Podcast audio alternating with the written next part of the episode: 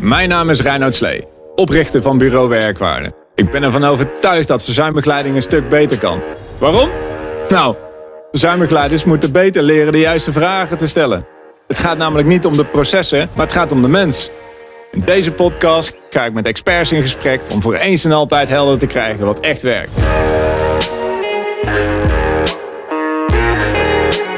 Dit is de Werkwaarde Podcast. Alright, nou, ehm, hartstikke leuk om hier uh, vandaag de host te mogen zijn. Uh, voor de mensen die denken van, wat is dat raar? Ineens een andere stem. Uh, ik mag vandaag de host zijn in de Werkwaarde podcast. Normaal is dat natuurlijk Reinoud hier naast mij. Ik ben zelf eigenaar van, van het bedrijf Portretmakers. Um, Reinoud die neemt de podcast al enige tijd op hier in deze studio en heeft mij gevraagd om op dit bijzondere moment, dit bijzondere samenkomen, deze podcast, alleen deze, te hosten. Omdat Reinoud zelf ook geïnterviewd gaat worden. Dus ja. dankjewel voor het vertrouwen, Reinoud, in ieder geval. Natuurlijk. Um, kleine introductie van mij. Uh, wat, waar we het over gaan hebben is... Um, ja, het is eigenlijk een heel, heel bijzonder verhaal. Zeker de mensen die hier zitten. Van twee werelden die samenkomen. Namelijk de, uh, de werelden bureau werkwaarde. Uh, waar ook de werkwaarde podcast uit naar voren is gekomen. Maar ook uw verzuimregisseur. Uh, vertegenwoordigd aan deze kant voor mij. Uh, Theo van Neerven, oprichter van uh, uh, uw verzuimregisseur. En Inge van de Waarzenburg. Ehm, en jij bent er eigenlijk vanaf het begin ook al bij geweest. En wat ik eigenlijk wil gaan doen met jullie, ook voor de mensen die luisteren, is eens kijken naar. We gaan inzoomen op beide bedrijven. Um, want wat is er gebeurd? Uh, Reinoud is bestuurder geworden van uh, uw uh, verzuimregisseur. Volgens mij was het een Valentijnsmomentje tussen jullie. Ja, Klopt dat? dat? Een ja-moment, hè? Theo. Ja, we gaven elkaar het jaarwoord. Ja, ja hoor. Ja, hè? Ja. Handtekening in ieder geval. 14 februari werd Reinoud ja. naast mij bestuurder van, van dat bedrijf. Dus we gaan even inzoomen op, of even, we gaan daar goed de tijd voor nemen, inzoomen op het ontstaan van uw verzuimregisseur. De missie, de visie, de passie. Um, uh, en er zit natuurlijk een heel verhaal uh, achter. Uh, dat doen we ook bij bureau Werkwaarde, yes. bij Reinoud naast mij. En dan gaan we kijken wat maakt dat die twee werelden samen zijn gekomen. Um, en hoe gaat dat er dan uitzien, ook voor de podcast. Maar ook voor al die werkgevers, maar ook die werknemers. Um, jullie kunnen daar vast van alles over vertellen. ik heb er weinig verstand van, dus ik ga allerlei vragen stellen. Maar laat ik eerst eens beginnen bij jou, Theo. Um, ja, het was een bijzondere ontmoeting tussen jou en Reinoud. En dat is in deze podcast ook gebeurd. Dus zou je daar eens over kunnen vertellen? Ja, um, nou, het begon eigenlijk tien jaar geleden. Uh, toen ik de diagnose Parkinson kreeg. Nou, toen is uh, heel veel veranderd. Hè? Eigenlijk niks, hè? want een diagnose verandert niks. Maar vooral mijn toekomstbeeld is uh, heel erg veranderd. En een van de belangrijkste dingen die daarbij hoort is dat ik eigenlijk een volledig andere oriëntatie in mijn, uh, mijn werk heb genomen. Waar ik eerst uh, binnen DPO2, bedrijf wat ik uh, ooit een keer op heb gericht, ik ben het jaartal even kwijt, hoort ook bij Parkinson trouwens, um, in personeelszaken. volledig werkgevergericht natuurlijk. Maar toen zat ik in één keer aan de kant van de werknemer. Toen was ik in één keer patiënt. En toen kwam ik erachter, en daar is ook een podcast over gemaakt, wat het betekent om aan de andere kant van de tafel te zitten. Aan de andere kant van de tafel zitten, daar zit je alleen. Dat is de werknemer. Als je geluk heeft, heeft hij nog een partner bij die meeluistert. Aan de kant van de werkgever, daar zitten heel veel mensen. Bedrijfsartsen, HRM, noem maar op. Um, toen heb ik besloten om die die mensen gewoon te gaan helpen. Hm. Gaan helpen met het, uh, met het ja, door, doorlopen van alle procedures die op je afkomen. Nou, dat was een dusdanig succes. Dat, ja, dat groeide me eigenlijk ook een beetje boven het hoofd. Want dat is een van de kenmerken van Parkinson. De progressiviteit. Hè, heb je het eenmaal geregeld, dan kun je weer opnieuw beginnen. Want dan is het allemaal weer erger geworden. Of je hebt er een nieuw, een nieuw iets bij gekregen, een nieuwe beperking. Dus moest ik op zoek naar, ja, naar mensen die mij wilden helpen om uh, eigenlijk de fout die ik altijd maak, vol enthousiasme beginnen zonder erbij na te denken van dat het wel eens uh, succesvol kon zijn. Om me daarbij te helpen om dat nog beter neer te zetten. Waarom kwam dat? We hadden een klanttevredenheidsonderzoek gedaan. Um, en al die mensen zeiden, 100% van die mensen zeiden, zou je ons bij anderen aanbevelen? Het antwoord was ja. Zou je ons weer inschakelen als, dat ergens zou, als je dat ergens zou moeten? Ja.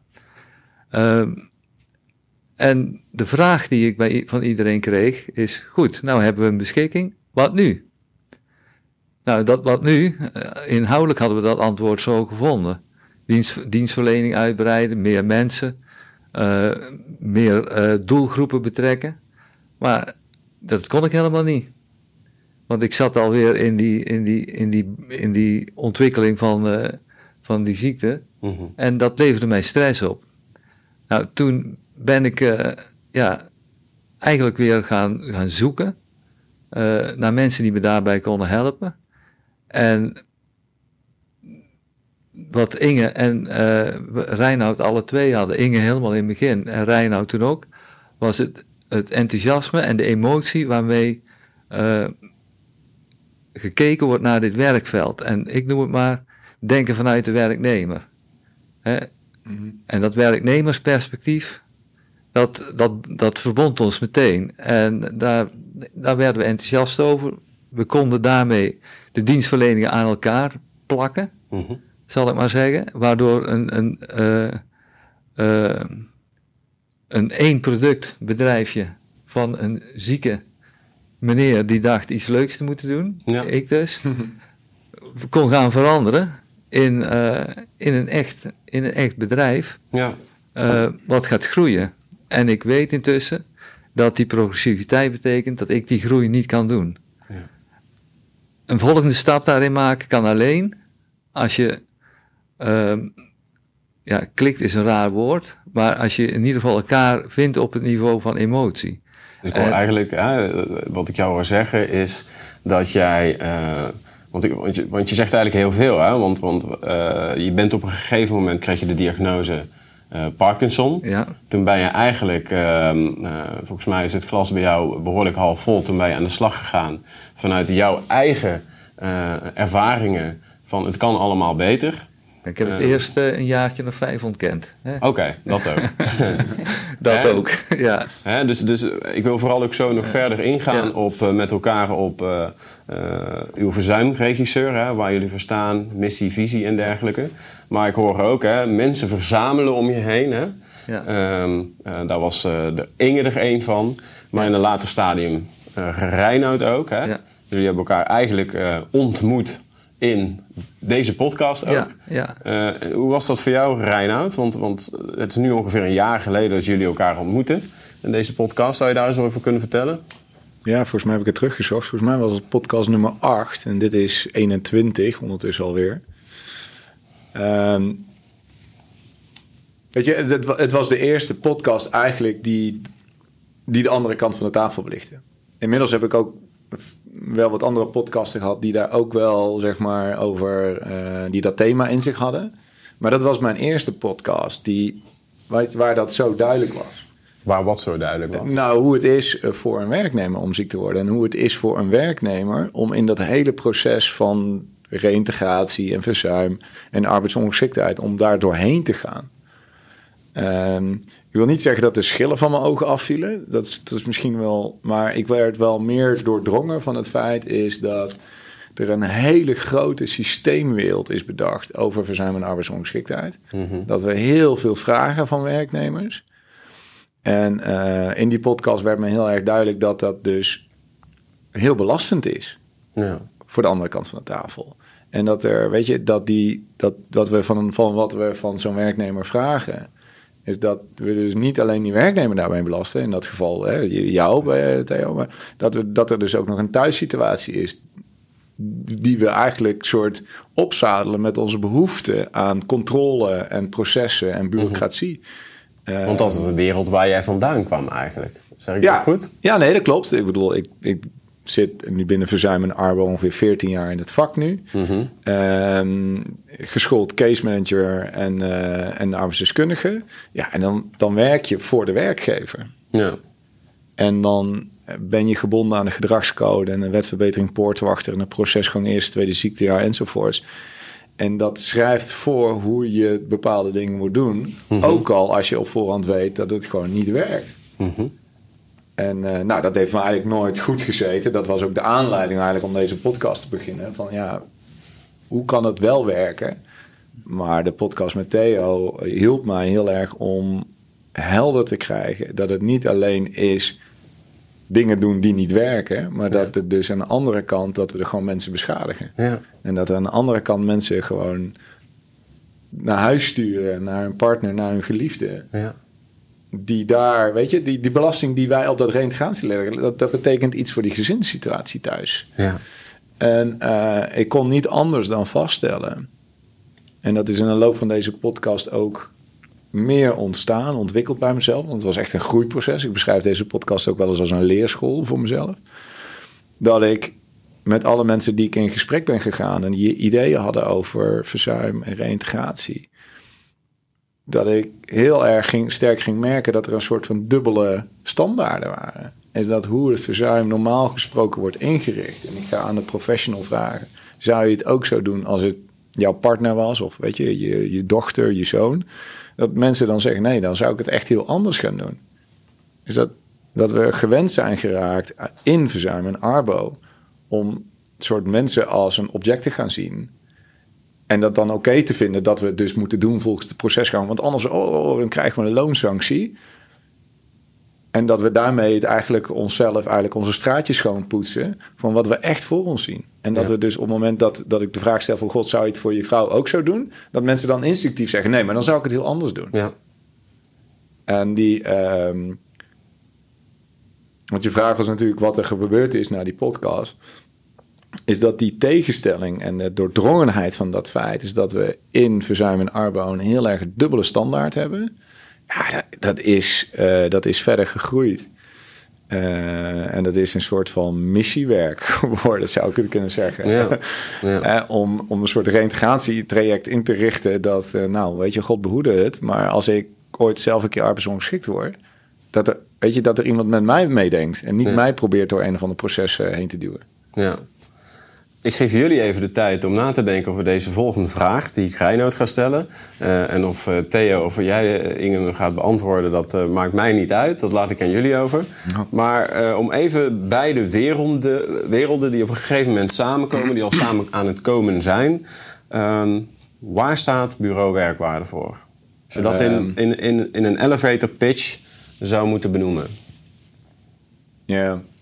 Ja, bureau werkwaarde staat voor het werk maken van verzuim. En in de meest letterlijke zin. Dus eh, verzuimtrajecten die zijn vaak procesgeoriënteerd. En de beste zekerheid voor inkomen is werk. En op het moment, hè, dus we, kennen natuurlijk heel veel mensen die bezig zijn met schade-lastbeperking in verzuim en arbeidsongeschiktheid. En nou, ik durf wel redelijk te zeggen dat ik er goed in de materie zie. Maar de beste zekerheid is gewoon zelfverdiende centen. Want die geven het lekkerste uit. En ehm, ik heb geleerd is dat er veel meer mogelijk is eh, dan we in eerste instantie zouden denken. Er wordt ook wel eens gedacht dat mensen hun uitkering zijn. Op het moment dat je afgekeurd bent bij het UWV, dat je dus niet meer mag of kan werken. Dat is niet zo. Het is, je bent niet een uitkering. En er is veel meer mogelijk dan we in, de, eh, dan we in eerste instantie zouden zouden denken op het moment dat je alle papierwerk leest. En dat was eigenlijk altijd de basiswaarde van bureau werkwaarde. Het ging over professionaliteit. Dus donders goed weten hoe het snapt. Ja. Uh, het ging over partnership. Want namelijk alleen haal je het niet. Uh, verzuim en reintegratie is meer dan een opeenstapeling van interventies. Daar uh, hoort samenhang en, en overleg te zijn. Um, dus partnership heeft altijd aan de kern gestaan van bureau werkwaarde. Is dat we overleggen met de arts. Dat we als arbeidsdeskundige bijvoorbeeld overleggen met de sport 2 reintegratietraject. Dat we proberen alle interventies aan elkaar vast te knopen. Dat het één geheel wordt. En als allerlaatste is de, uh, het fundament was empowerment. En we gingen er, ik ga er namelijk vanuit, is dat ik heb mensen die volledig en duurzaam af zijn gekeurd, die ernstig ziek waren, heb ik herplaatst. De op papier kon dat niet. En ik, heb, ik, ik had twee medewerkers. Ze waren alle twee door een ernstig ongeluk een been verloren. De ene was drie weken later aan het werk. En de andere is anderhalf jaar later nog niet aan het werk. En dat heeft alles te maken met hoe je in het leven staat. En hoe je met arbeidsongeschiktheid en het verlies van gezondheid en het verlies van inkomen omgaat. En dat, en dat zit eigenlijk verwoord in, in de kernwaarde empowerment. Mm. Dat we werknemers willen helpen, maar ook werkgevers eigenlijk. Om uh, eigenlijk voorbij wat zij denken dat mogelijk is om te komen tot werk. Wel vanuit de werkgeverszijde. Eh, dat wel. En hoe beweeg jij die werkgever? Um, um, ja, in het voorgesprek hadden we het erover. Jij zei tegen mij, uh, waar, waar, ik voor sta, hè, is de waarde van werk terug laten komen in het verzuimtraject. Hoe doe je dat dan? Um, er wordt soms wel eens gedacht is dat er een soort één gouden pil is. Dat één manier van reintegreren, dat die altijd werkt. Of dat, dat, er, dat je een soort een beleid, verzuimbeleid beleid is, wat wordt soort de standaard zou moeten. Dat is niet zo. Um, er zijn mensen die hebben werken omdat het hun missie is, omdat het, weet je, eh, dat het hun motivatie is, omdat het zelfs identiteit ontleent aan hun werk. En we hebben mensen die werken gewoon voor de centen. En als je die op dezelfde manier gaat gaat faciliteren op dezelfde manier dat er gaat dan, dan sla je de plank mis. Ja.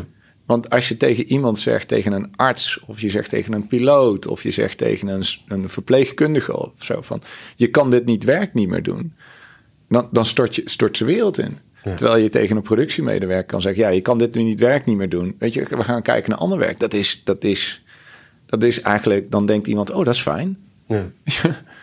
en voor een dienstverlenend beroep is misschien de salarisstrook is een logische consequentie van werk.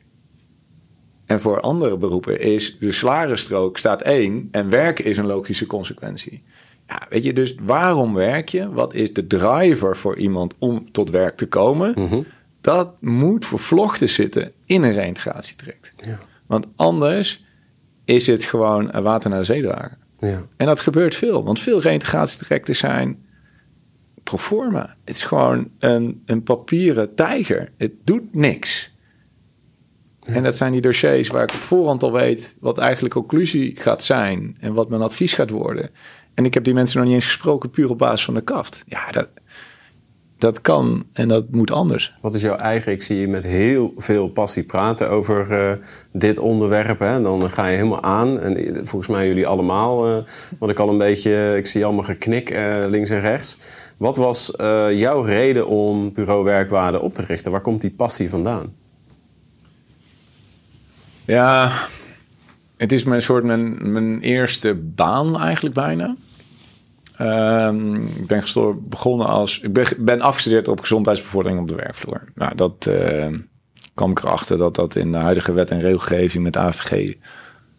Nou, dat ik dat eigenlijk wel heel ingewikkeld vond. En dat ik merkte dat de uitleg, zoals de meeste werkgevers die gaven, is: nou ja, je hebt een zak geld en waar ga je dat uitgeven? Aan uh, appels en sportkaarten uitgeven of ga je dat aan verzuimadviseurs uitgeven? Nou, ik kwam erachter is dat waar je ziek van wordt niet per definitie hetzelfde is waar je beter van wordt. Um, dus ik heb toen een, shift eigenlijk gemaakt van preventie naar curatie. Hè? Dus naar de, wordt ook wel eens gezegd, de achterkant. Ik, ik geloof overigens niet meer zo in die indeling, maar ik ben bezig geweest met mensen aan de slag gegaan, met mensen die ziek waren. In mijn eigen omgeving, uh, vrienden, familie, mensen meegemaakt die arbeidsongeschikt uh, raakten en in het verzuim terechtkwamen. Um, en dan gewoon zien hoe je daar door de mangel wordt gehaald. Uh, ja, dat, dat, dat, dat moet ik, ja, dat, die, die pijn die daarachter zit, wat ik aan de zijlijn heb mogen meemaken, ja, dat zit wel een beetje vervlochten in die missie. Die missie overstijgt wel een beetje mijn, uh, mijn aandeel daarin. En ik kan me ook nog herinneren, volgens mij was het jouw eerste podcast. eh, dat je zelf ook wel eens een keer in een soort van verzuimd traject hebt gezeten. Of heb ik dat mis in jouw jonge jaren? Uh, nee, nee, dat niet. Niet, niet met uitzondering van... Uh, ik heb een keer een motorongeluk gehad, maar... Oké, oké. Nee. Klein detail. Klein detail, nee, nee, nee. Volgens mij heb ik dezelfde dag heb ik nog gebeld. Uh, zat ik met mijn pootjes zo omhoog. Ik ben ja. weer. Ja. Ja. ja, ja.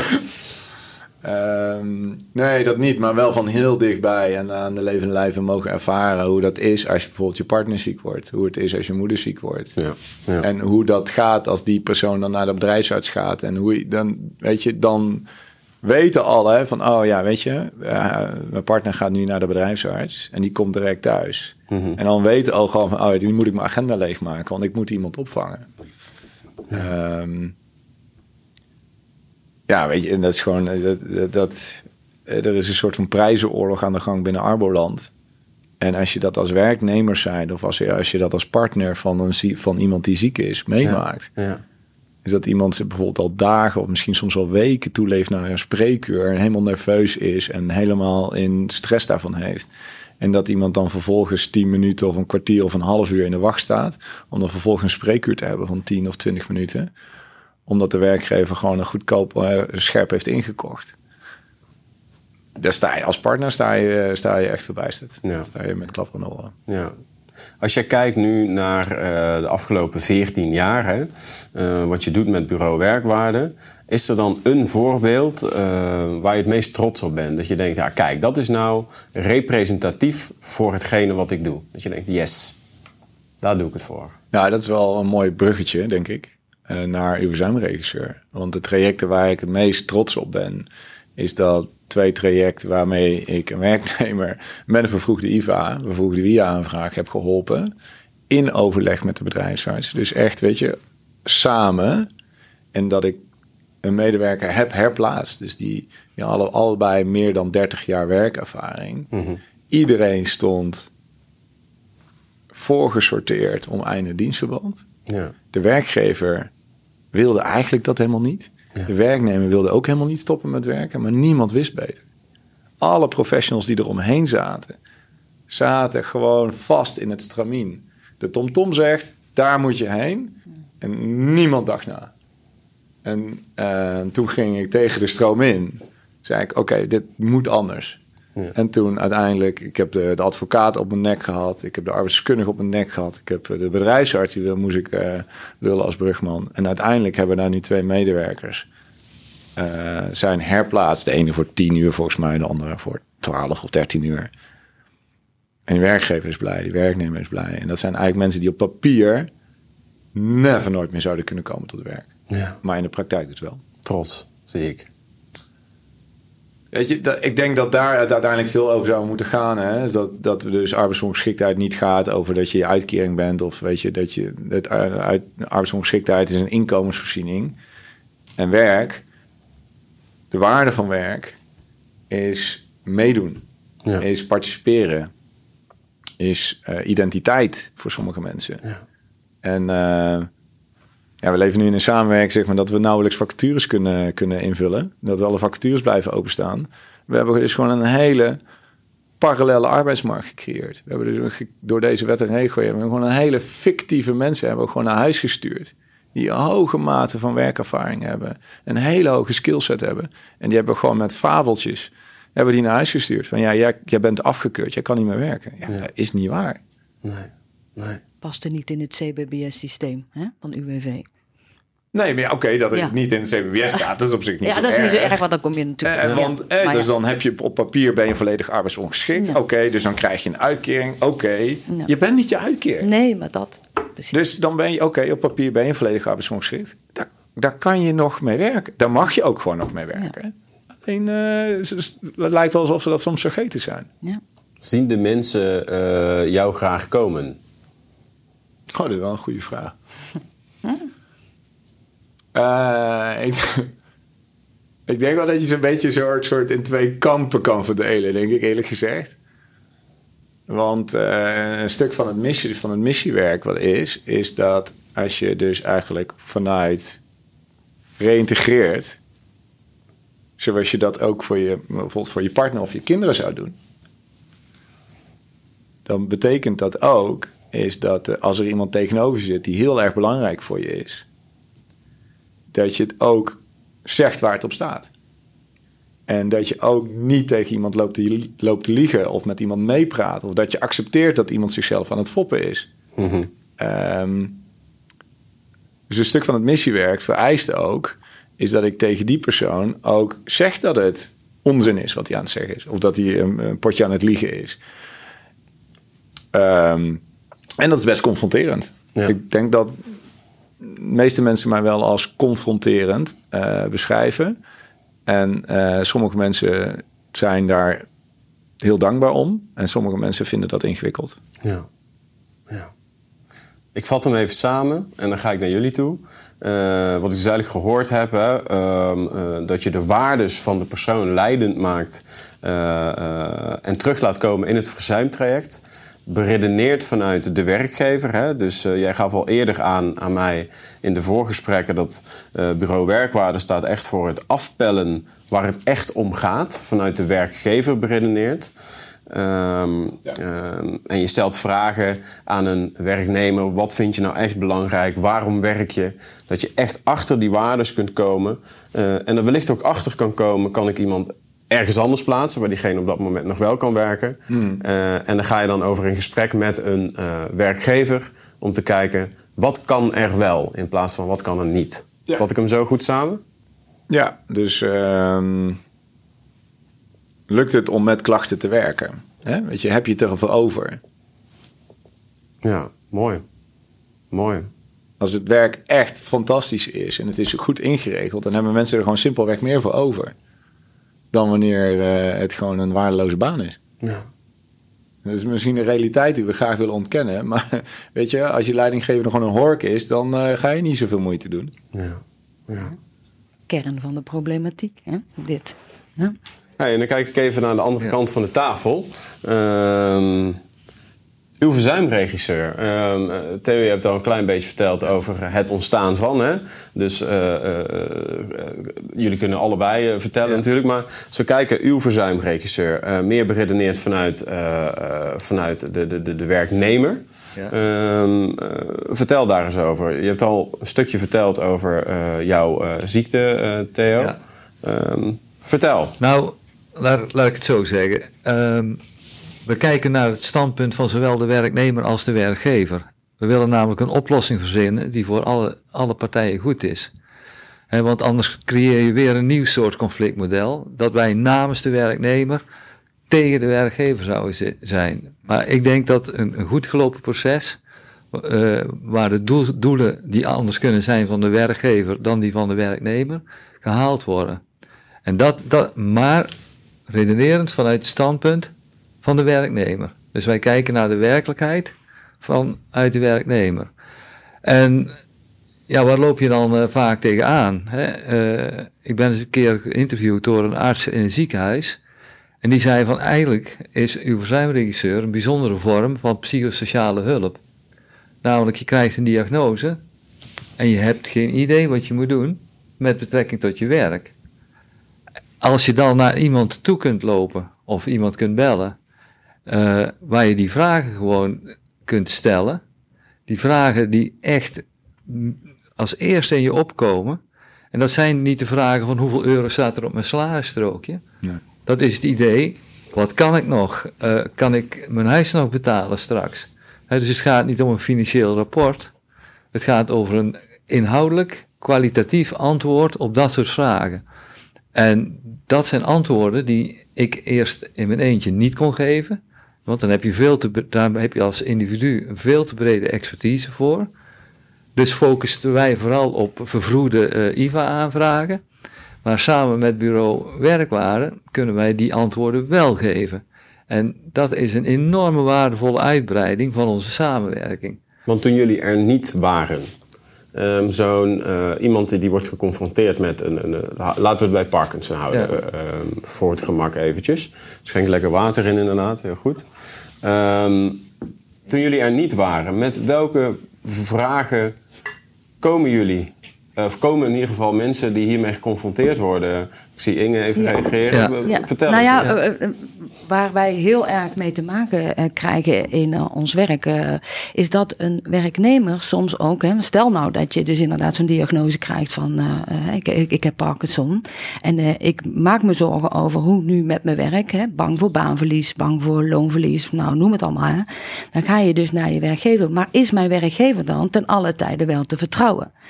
Dat is wel waar ik, wat ik merk in de praktijk, dat mensen zeggen, behartig deze werkgever dan nu ook in deze wel mijn belangen.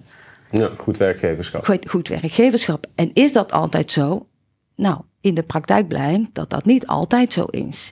En hoe fijn is het dan dat je met iemand te maken krijgt die zegt, ik behartig jouw belangen. Ik zorg ervoor dat, het, dat we de weg opgaan waar jij uh, je goed bij voelt. Is dat nou blijven werken? Is dat niet blijven werken? Nou ja, uh, daar hebben we het altijd eerst over. Want dat vond ik zo heel mooi, Reinhard. Ik heb bijna kippenvel als ik jouw verhaal hoor. Want het is precies de passie die wij echt delen met elkaar. Is dat het zo vaak procesgericht is en bang voor loonsancties. En dat daar de werkgever dan op gaat sturen. Terwijl je eigenlijk een ander gesprek met je werknemer moet gaan voeren over wat wil jij nu precies? Waar gaan we heen? Welke baat heeft een werkgever erbij? Uh, om zijn werknemer minder goed te begeleiden? Uh, nou ja, uh, ik, ga daar ook wel even iets over zeggen. Is dat een werknemer ook niet altijd even eerlijk is tegen zijn werkgever over wat hij graag wil en wat hij. Uh, omdat hij dan denkt, nou, dadelijk ga ik mijn baan kwijt als ik nu zeg ja. dat ik eigenlijk in mijn hart ja. liever iets anders zou willen doen. Het gaat wel twee kanten op. Het gaat wel twee kanten op. En als een werkgever dan hoort van ja, maar eigenlijk uh, werk ik alleen maar voor mijn huur en mijn hypotheek. En dan gaat een werkgever zich er al anders in staan. Hè? Terwijl dat eigenlijk, nou ja, en ik merk dat bij ons, als wij in gesprek gaan als uw verzuimregisseur met een werknemer in een hele veilige setting bij mensen thuis met de partner daarbij. Dat ze heel eerlijk gaan zijn over wat ze echt daadwerkelijk willen. Dus jullie komen eigenlijk, als ik dat zo hoor, ook rust brengen ja, bij de mensen. Rust. Uh, rust brengen over het proces. Precies. Uh, beste meneer, mevrouw, u hoeft zich uh, niet direct zorgen te maken. Want dit is de regelgeving. Die, die, ik kan me voorstellen dat dat heel complex is als je ja. daar zelf in moet duiken. Jullie komen eigenlijk rust brengen, zodat beide mensen zich veilig genoeg, beide partijen zich veilig genoeg voelen, zowel de werkgever als de werknemer, om het volledige verhaal te vertellen. Ja. En dan te gaan kijken hoe kunnen wij met elkaar uh, werk hervatten of in een andere vorm. Ja, en, en, dan, dat... en dan wel, wel overwogen keuzes gaan maken met alle informatie die er is. Ja. Helaas merken we in de praktijk dat niet altijd alle informatie gegeven wordt door de werkgever of door de bedrijfsarts, nou ja, wie dan ja. ook, Ja. in het doel wat je na gaat streven. Ja. En het is zo dankbaar en het is echt mijn passie dat ik eigenlijk bij iedereen eigenlijk de informatie wil verstrekken aan diegene, Ja. zodat ze wel overwogen keuzes kunnen maken in zo'n nou ja, hectische periode Ja. waarbij mensen eh, wakker ligt. En nou, ik haak alvast in over waar ben jij dan het meest trots op? Sorry dat ik daar al in, maar daar kan ik echt bijna, omdat ik, dat ik echt een keer bij iemand weg ben gegaan naar een traject en dat zei, Inge, je hebt, je hebt mijn huwelijk gerend. Ja. Hè, wij lagen s'nachts wakker, wij wisten niet meer hoe het doen. De werkgever gaf ons informatie. Echt, echt met de beste bedoelingen. En uh, ja, inderdaad, als je het proces uh, wetverbetering poortwachter hadden we dan net iets van gehoord. En dan hadden ze het allemaal over loonsancties. Ja, wat hebben wij daar dan allemaal mee te Ja. maken? Hè, dan denk je van, nou, rust. Ja. Rust, zeg ik altijd. Rust, financiële zekerheid. Ja. En mogen en niet meer moeten. Want ja, joh, Mm. het is echt, uh, je- weet je, en dat is zo mooi als je ook echt bij mensen thuiskomt. Dan zie je pas daadwerkelijk hoe het zit. Ja. En ik zou eh, bijna elke werkgever ook gunnen dat ze dat, dat, dat ook een keer doen. Ja. Is echt met de mensen in gesprek gaan over Is wat dat doet dit reëel? nou? Nee, ja, dat zien we in de. Ja, Reinoud, wat is jouw ervaring? Maar ik zie dat eh, veel te weinig. Ja. Dat Dat ga je o- nooit eigenlijk. Nee, echt Nee. oprechte belangstelling. Ja. Het gesprek echt aangaan. Aandacht geven voor je mensen die zoiets heel. Mooi. Nou ja, eh, Mensenwerk. Mensenwerk. Ik zie Theo, Mensenwerk. jij wil volgens mij ergens op reageren.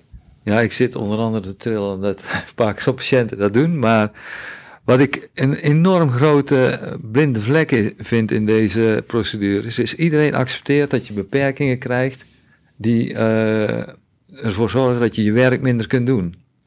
Maar niemand realiseert zich dat diezelfde beperkingen ervoor zorgen dat je ook dat hele stressgebeuren rondom eh, poortwachter niet, Ja. niet of minder aan kunt. Op een of andere rare manier is daar een splitsing in denken over ontstaan. We accepteren dat jij beperkingen hebt bij je werk, maar niemand accepteert dat diezelfde beperkingen ervoor zorgen dat je eigenlijk niet meer kunt managen wat je overkomt. Want dat is een, een hele andere vorm van ple- complexiteit dan de gemiddelde burger in Nederland gewend is. Al die. Dat, en Ja. ik had dat ook toen ik in die situatie kwam. Ik denk, hoe kan het nou dat ik een bedrijf in personeelszaken heb, waar een, on- een arbeidsdienst eh, onderdeel van uitmaakte, en dat ik niet snap wat mij overkomt? Ja. Dat is toch wel heel bijzonder. Ja. En die, die, s- die, die rare splitsing, die heffen wij op. Ja. Want wij gaan gewoon naast die werknemer zitten. Wij zetten al onze kennis die we hebben in om tot een oplossing te komen. Die eh, zowel goed is voor de werknemer als voor de werkgever. Maar die bovenal die werkgever het gevoel- werknemer het gevoel geeft: ik ben veilig. Er gaat iemand met me mee. Ja. Ik ben niet alleen. En dan zie je dat mensen opgelucht raken. En vervolgens, als gevolg daarvan, ook weer veel makkelijker door die procedure heen gaan. Ja. Maar die, die aanname dat je, ongeacht al je beperkingen, dat poortwachterproces tot in zijn details moet kunnen handelen en volgen, Mhm. dat is een hele rare. Ja. Want dat, dat kunnen de meeste mensen niet. eh, Nee, en, zien. en, dat zien wij dan ook eh, in de praktijk wel vaak. Is dat bijvoorbeeld eh, binnen een bedrijf dan iemand van personeelszaken of, of de leidinggevende dat poortwachterproces moet managen. Maar het wel moeilijk vindt om echt met die werknemer in gesprek te gaan over wat ze dan in de praktijk zien. Of al voordat iemand bijvoorbeeld al eh, zich ziek heeft gemeld. Nou, wat Theo zelf eh, net ook zei. heeft ook vijf jaar als een struisvogel met zijn hoofd eh, in, in, in de grond gezeten van het is er niet, het is er niet. Hè, want wat staat mij te wachten als ik toe ga geven dat ik bepaalde dingen niet meer kan. Dat zien we natuurlijk bij uh, Parkinson-patiënten heel veel. Maar wat ik dan heel vaak al uh, hoor, is zodra dat wij met die mensen in gesprek gaan, is dat ze eigenlijk al jarenlang veel minder uh, uh, productie leverden, of noem het dan maar, hè, de beperkingen al lang en breed bekend zijn bij de werkgever, bij de leidinggevende, maar dat daar nooit het gesprek over aan is gegaan. Ja. Maar ja, kan je van elke leidinggevende ook verwachten dat zij precies weten hoe zo'n poort of zo'n zo'n UWV-proces of welke gevolgen er ja. bij langdurig verzuim of ze wel aanvullend verzekerd zijn. Kunnen we dat? Voor, nou, nee, dat kun je niet van elke leidinggevende verwachten. Nee. nee. En kun je ook niet van elke uh, HRM-medewerker verwachten, want dat is een specialiteit. Ja. En daar, uh, ja, daar hebben wij zeg maar een soort van op ingesprongen, uit passie geboren, echt. Want hè, ik belde dan regelmatig in het begin ook tegen het, het kan niet waar zijn wat me nu weer allemaal, hè, wat ik nu ja. allemaal weer te horen heb gekregen ja. over wat bijvoorbeeld dan uh, ook hè, de bedrijfsartsen met alle beste bedoeling die dan de bedrijfsartsen met die medewerker, die volgt dan ook het, het BVP-proces rondom een jaar arbeidsdeskundig ja. onderzoek, terwijl je het eigenlijk over de kern moet hebben. Ja. ja.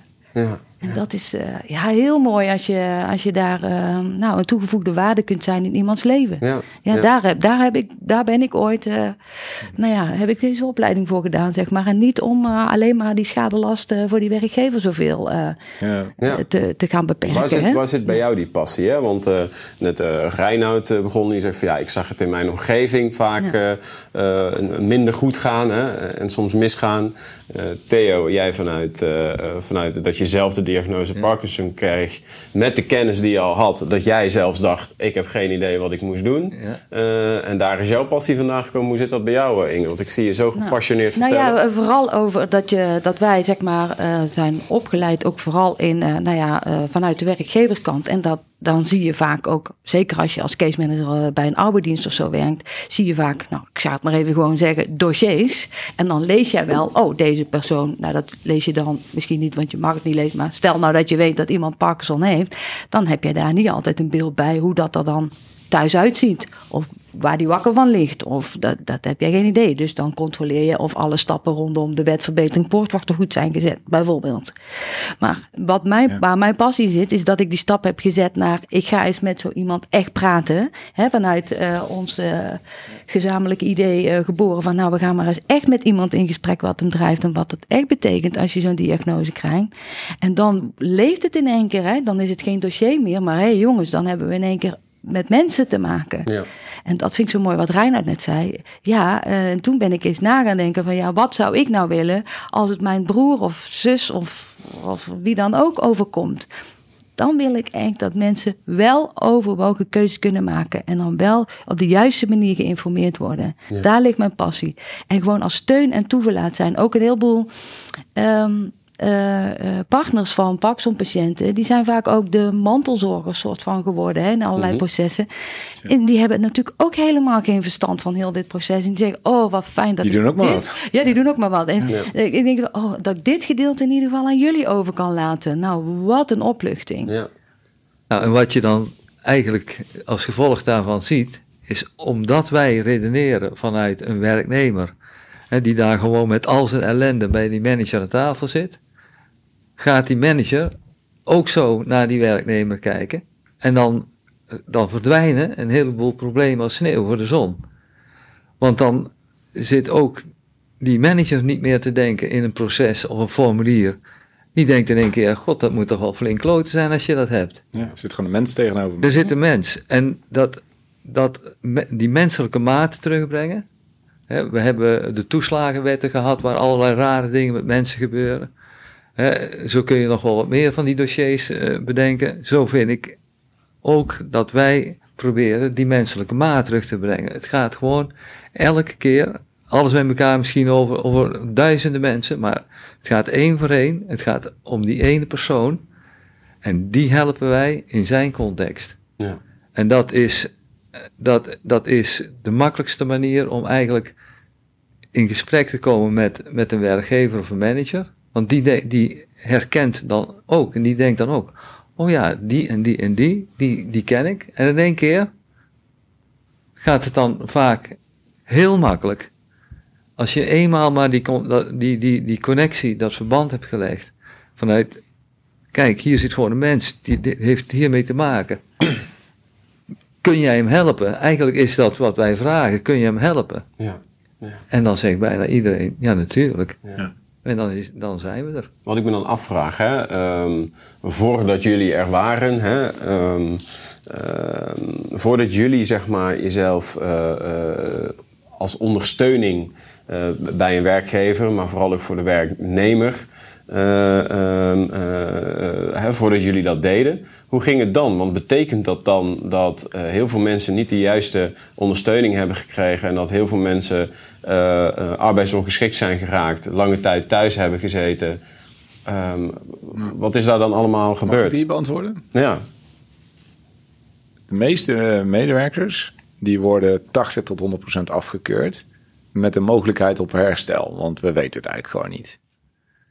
Dit soort trajecten die volgen bijna standaard uit reïntegratietrajecten. Die worden met opgetuigd met allerlei toeters en bellen om loonsanctie te voorkomen, maar die uiteindelijk niet tot werk resulteren. Eh, dus hoe het vaak gaat, ja, weet je, op het moment dat we daar dus niet adequaat op inrichten. eh, eh, mind you, dit is missiewerk. Dus weet je, eh, op het moment dat uw verzuimregisseur het niet zou doen, of wij zouden het niet doen, weet je, als het gebeurt, ben ik blij. Maar als het niet gebeurt, dan zien we dus dat chronisch zieke medewerkers door een reïntegratietraject gaan, wat eigenlijk iedereen op voorhand weet dat kansloos is. Maar medewerkers gaan wel door alle stappen heen. Dat is heel stressvol. Ehm, dus vaak komen ze dan uitgeput eh, bij het UWV aan. Bovenop de chronische klachten zijn er dan ook uitputtingsklachten. Die zijn op een gegeven moment niet meer van elkaar te onderscheiden. En voor de uitputtingsklachten is er behandeling mogelijk. Waardoor het voor UWV ook heel moeilijk wordt om een kaf van het koren te scheiden. Want het wordt een soort smeltkroes. Dus een soort, eh, een soort snert waar je ingrediënten bijna niet meer van elkaar kan eh, onderscheiden. Daardoor ontstaat er het beeld dat er nog wel herstel mogelijk is. Want ja, weet je, het is zo onduidelijk. Het zou best eens kunnen. En dat is ook zo. Ik bedoel, een gedeelte van die stress komt uit die uitputtingsklachten. Dus, eh, en die stress die kan eruit worden gehaald. Dus er is verbetering mogelijk. Alleen, ja, weet je, dus, dus medewerkers die hebben eerst twee jaar een soort proforma reïntegratietraject, vallen dan over, uitgeput over de streep bij, eh, bij het UWV, komen dan vervolgens in de 80-100 eh, arbeidsongeschiktheidsklasse met kans op herstel. En die worden vervolgens eigenlijk nooit meer komen daar nooit bijna niet meer uit. Capaciteitsproblemen bij het UWV, eh, die komen daar nooit meer uit. En dit is een beetje de realiteit, denk ik. Ja, maar eh, wat, maar wat ik ook heel veel zie, ik ga, eh, wij gaan vanuit verzuimregisseur ook mee naar zo'n keuring bij het UWV. En daar, daar zit dan de verzekeringsarts en die stelt dus allerlei vragen. Maar een Parkinson-patiënt aan de overkant, die zit niet alleen maar nou ik ga het maar even flauw zeggen, te trillen vanuit de Parkinson, maar ook echt vanuit de zenuwen, hè, dat hij daar zit. Ja. En een Parkinson-patiënt heeft bij ehm, aanvang al ehm, allerlei oplossingen bedacht voor beperkingen. Dus die heeft, realiseert zich vaak ook niet eens eh, welke beperkingen dat hij daadwerkelijk heeft, omdat hij daar vaak al een oplossing voor heeft bedacht. En in de ehm, vragen die een verzekeringsarts stelt, want die gaat dan dus zo'n FML opstellen, hè, zo'n functiemogelijkhedenlijst, dat doet een eh, verzekeringsarts dan. En die gaat dan allerlei vragen stellen om daar een inschatting van te maken. Precies zoals jij zegt, hè, vanuit de van nou, ik ga vragen stellen en kijk ik. En dan vraagt hij bijvoorbeeld van, eh, nou, eh, goh, meneer, mevrouw, kunt u nog fietsen? Nou, en dan zegt hij, dan zeg ik, ja hoor, nee, gaat nog hartstikke goed. En dan heb ik al zo'n voorgesprek gehad en dan zeg ik, nou, wacht even, eh, fietsen gaat inderdaad, maar met een elektrische fiets. En om het kwartier moet jij even een bankje opzoeken om daar even op te gaan zitten. En als jij thuis komt, lig je uitgeput heel de middag op de bank. Dus ja, fietsen gaat, maar eh, ja, ik, ik, ik wil het niet de put in praten, maar zo is wel de realiteit. Maar als ik daar dan niet bij had gezeten, en het antwoord is alleen maar, kunt u nog fietsen? Ja, dat kan ik. Dan wordt er geen beperking voor fietsen bijvoorbeeld opgeschreven door de Omdat verzekeringsarts. er niet afdoende voor doorgevraagd wordt. Ja. En mensen zijn hartstikke trots op wat ze nog wel kunnen. In plaats van, ze zijn heel de dag al geworden die geconfronteerd met dingen die ze niet kunnen. En jullie zitten er dan bij Juist. om echt die belangen te behartigen Ja. en te zeggen van oké, dat heb je inderdaad van de week tegen mij ook verteld. Maar hoe lang kun je fietsen? Precies, en hoe gaat dat dan? En dat die verzekeringsarts ook een daadwerkelijk beeld krijgt van wat er daadwerkelijk speelt bij een Parkinson-patiënt. Want ook die heeft geen scanapparaat op dat moment in die, in, die, in die spreekkamer om precies goed in te kunnen schatten. hoe- Dat doet hij aan de hand Ja. van vragen stellen. het. dagverhaal, eh, wat kun je nog wel, hoe ziet je dag eruit? Maar dan- Inge, kunnen wij verwachten van eh, onze verzekeringsartsen, bedrijfsartsen, artsen, eh, alle eh, eh, arbeidsprofessionals, dat zij deze kennis en ervaring hebben? Of zijn jullie echt nodig? Nou, zijn- nou ik, ik, mijn ervaring hè, met alle mensen waar ik nu bij mee, dat we echt heel erg hard nodig zijn. We zouden eigenlijk niet nodig Nee, we zouden zijn. eigenlijk niet we zijn, we zijn. zijn eigenlijk overbodig, maar dat, zo is niet de praktijk. Nee. Dat- ik, ik, vorige week nog, ik zat bij een meneer en die zegt tegen de, ik zit erbij, zegt tegen de verzekeringsarts en die vraagt dan, "Eh, sport je nog meneer? Hij zegt, ja, ik ga één keer per week ga ik boksen. Ah, en die keer, oh ja, en hoe lang duurt het dan? Ja, een uur boksen. Is dat intensief? Zeg ik, nou en op, zegt die kerel dat het intensief is. En ik hoor dat gesprek aan. Ik zeg, goh, mag ik heel even interpreteren? Ik zeg, hoe doe je dat? Ja, ik zit dan achter de bokzak. En dan, weet je... En het- soms is er... eh, werknemers willen zich dan heel goed presenteren. En dus soms is er aan de andere kant is er dan gewoon een mismatch. Is dat er gewoon niet wordt doorgevraagd... of niet de juiste vragen worden gesteld... waardoor er een verkeerde beeldvorming kan ontstaan. Is dat zo'n bokstraining helemaal niet het eerste is wat je aan denkt... maar dat iemand anders zittend op een stoel... in het kader van zijn revalidatie...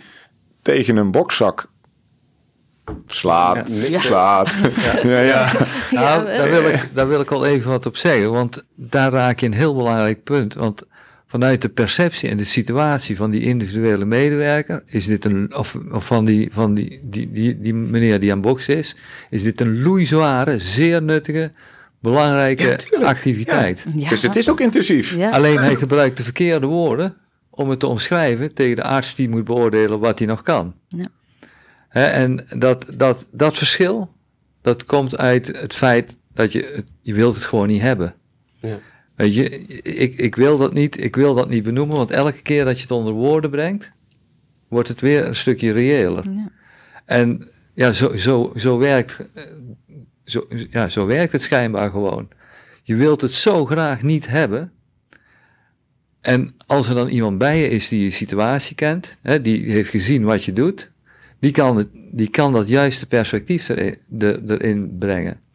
En dan nog niet zozeer om het belang van de medewerker te behartigen zoals dat. Want eh, het belang behartigen, dat klinkt ook alsof het een soort rechtsbijstand of, eh, of vakbond of iets is.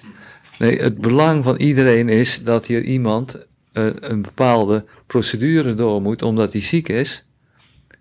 Die zo optimaal mogelijk doorlopen Ja. moet worden met de juiste informatie. Maar dat kan dus niet altijd aan de buitenkant eh, En- gezien. En jouw vraag is van, kan iedere verzekeringsarts op dat moment juist. Nee, iemand die net de diagnose Parkinson heeft gekregen, nou, die, die is nog niet zo heel erg beperkt. Hè? Eer dat iemand de diagnose krijgt, heeft iemand al, uh, Theo, uh, het al uh, vaak vijf, zes jaar, heb ik wel eens begrepen. Hè? heel veel mensen. Heel veel mensen hebben het ja. dan al heel lang. Alleen dan nog, hè, het begint altijd met hele kleine beperkingen. Hè? Mm. Dat soort, dus uiteindelijk, als het zich gaat uiten, dan is er vaak al best wel wat aan de hand. Maar ja, eer dat je zover bent en je er fysiek en mentaal en alle aan toe bent, om dan ook toe te gaan geven dat het daadwerkelijk niet meer gaat. Nou, ja. dan zijn we al een heel eind verder. En dan ook nog eens bij een verzekeringsarts te moeten gaan benoemen wat, wat dus allemaal niet goed gaat, omdat anders de verzekeringsarts een verkeerde inschatting gaat maken. Echt ja. niet leuk. Hè, maar ik, ik, meestal zit ik daar, daar, dan wel een uur of anderhalf uur met de verzekeringsarts, hè, die dan daar. Ik heb ik heb ook al een keer meegemaakt dat ik na een kwartier, twintig minuten al buiten stond. En zo. Ik, toen heb ik echt even de verzekeringsarts gevraagd van, goh, hoe komt het nou dat we zo snel klaar zijn? Toen zei hij, ja, mijn broer heeft Parkinson. Ik hoefde maar één keer te kijken hoe die binnenkwam en ja. ik wist al genoeg. Dus het gaat er ook heel erg om of de verzekeringsarts voldoende kennis, precies wat je zegt, ja, van het ziektebeeld en de bedrijfsarts. Moeten verzekeringsartsen of arboartsen zich aangesproken voelen door jullie verhaal? Ja, weet je, we ja. zijn niet om, om de kwaai Piet om, om te vingerwijzen. We, we willen helpen. Ja. ja. Nou, ja. Ja, waar ik op doel, hè, wat, wat ik hoor, hè, want is het dan niet zo dat, sorry hoor, Theo, is het dan niet zo dat, uh, en ik probeer jullie te begrijpen, hè, want ik, ik stel gewoon de vragen, hè, dat, dat is, uh, maar ik kan me voorstellen dat mensen hier naar luisteren ook die, uh, die, die, die vragen hebben. Um, is het dan ook zo dat, dat er misschien iets in het curriculum van een opleiding van een verzekeringsarts of arboarts mist, um, om juist wel die vragen te stellen die dan ja. um, noodzakelijk zijn? Of is dat te kort door de bocht? Nou, daar wil ik dan wel even op inhaken. Het moment waarom Theo en ik, uw verzuimregisseur, op dat moment waarom we het gestart zijn, is op het moment dat Theo een verzekeringsarts heeft gesproken die vroeg, Theo? Ja. Ik kom kijken of u genezen bent. Ik kom kijken of u genezen bent. En toen zeiden wij tegen elkaar: dit kan echt niet waar zijn. Dat er in ons werkveld verzekeringsartsen zijn die met de ziekte van Parkinson gaan vragen: ik kom kijken of u. En dat kwam omdat Theo had gezegd: uh, het gaat al een stukje beter met me. Hè? Dus communicatie. Ja. En dat is wat jij bedoelt ook, Reinoud. Het goed kunnen doorvragen. Nou ja, dat, daar zien we ik zeg ik heel eerlijk, ik ben ja. nu inmiddels al uh, meer dan 100 keer bij het UWV geweest. Ja. Zie daar wel hele grote verschillen in hoe, hoe dat gaat. En wat ik zeg, hè, mensen zijn super zenuwachtig. En daar wordt dan een uitleg gegeven over hoe dat proces ook bij het UWV gaat. Ja. En mensen hebben echt geen idee als wij er niet bij zitten over wat er nou precies gezegd wordt. Het gaat over FML, het gaat over WGA, het gaat over IVA. Het gaat... En die mensen denken, ja, je kunt ook Chinees praten. Ik heb geen idee wat je zegt. Ja. He, terwijl de verzekeraar met de beste bedoelingen dan wel uitleg geeft over hoe. Ik denk ook dat jullie, uh, ik denk dat we absoluut niet met een vinger willen wijzen. Hè, want uh, dat, ik denk dat dat belangrijk is om te benoemen als ik jullie dat zo uh, ja. hoor zeggen. Maar dat, uh, dat er dingen aan het systeem, hè, en daar kan een, een bedrijfsarts of iemand natuurlijk niets aan doen. Maar dat er gewoon binnen het systeem dingen niet heel goed gaan. Er is veel ja. druk natuurlijk ook op de zorg. Ja. zulke zaken. Ik zie Reinoud even reageren. Ja, nou, voor je dat... Voor, voor, je dat doet, wil ik toch even, even terug naar de vorige vraag die je had. Hè? Want die is wat mij betreft nog niet af. Waar ging je naartoe voordat wij er waren? Niet. Dan, dan ging je naar de professionals die aan de kant van de tafel bij de ja. werkgever zitten. Ja, ja, Daar moest je naartoe. Dus als werknemer kwam je dus bij die, die professies uit. En die, hebben, die, die zijn niet ontwetend of dom of, of dat, dat allemaal niet. Die hebben gewoon een ander perspectief. Nou ja, en soms... Die hebben gewoon het perspectief van de wetgeving en wat daar moet gebeuren.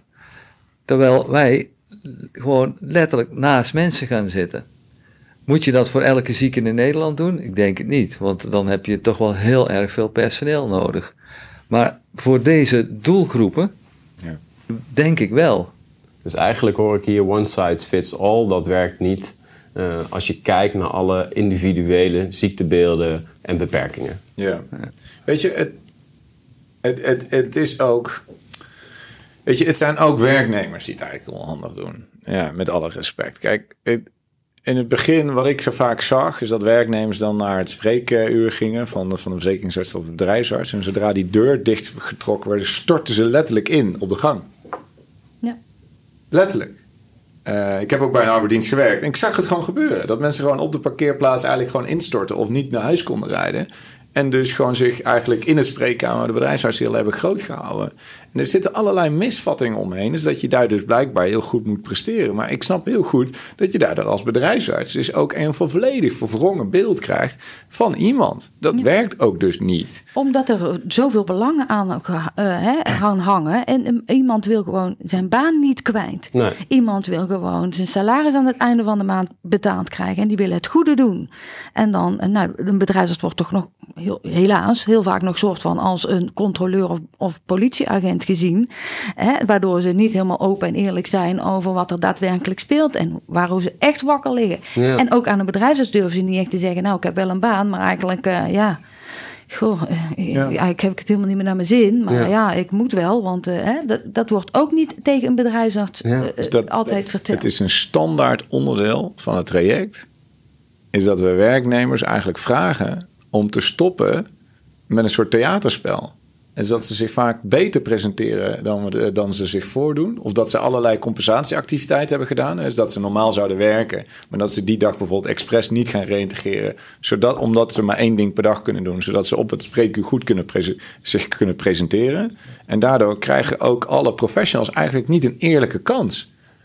Dus het, is, het er zitten twee kanten eigenlijk aan. eh, Ja. aan.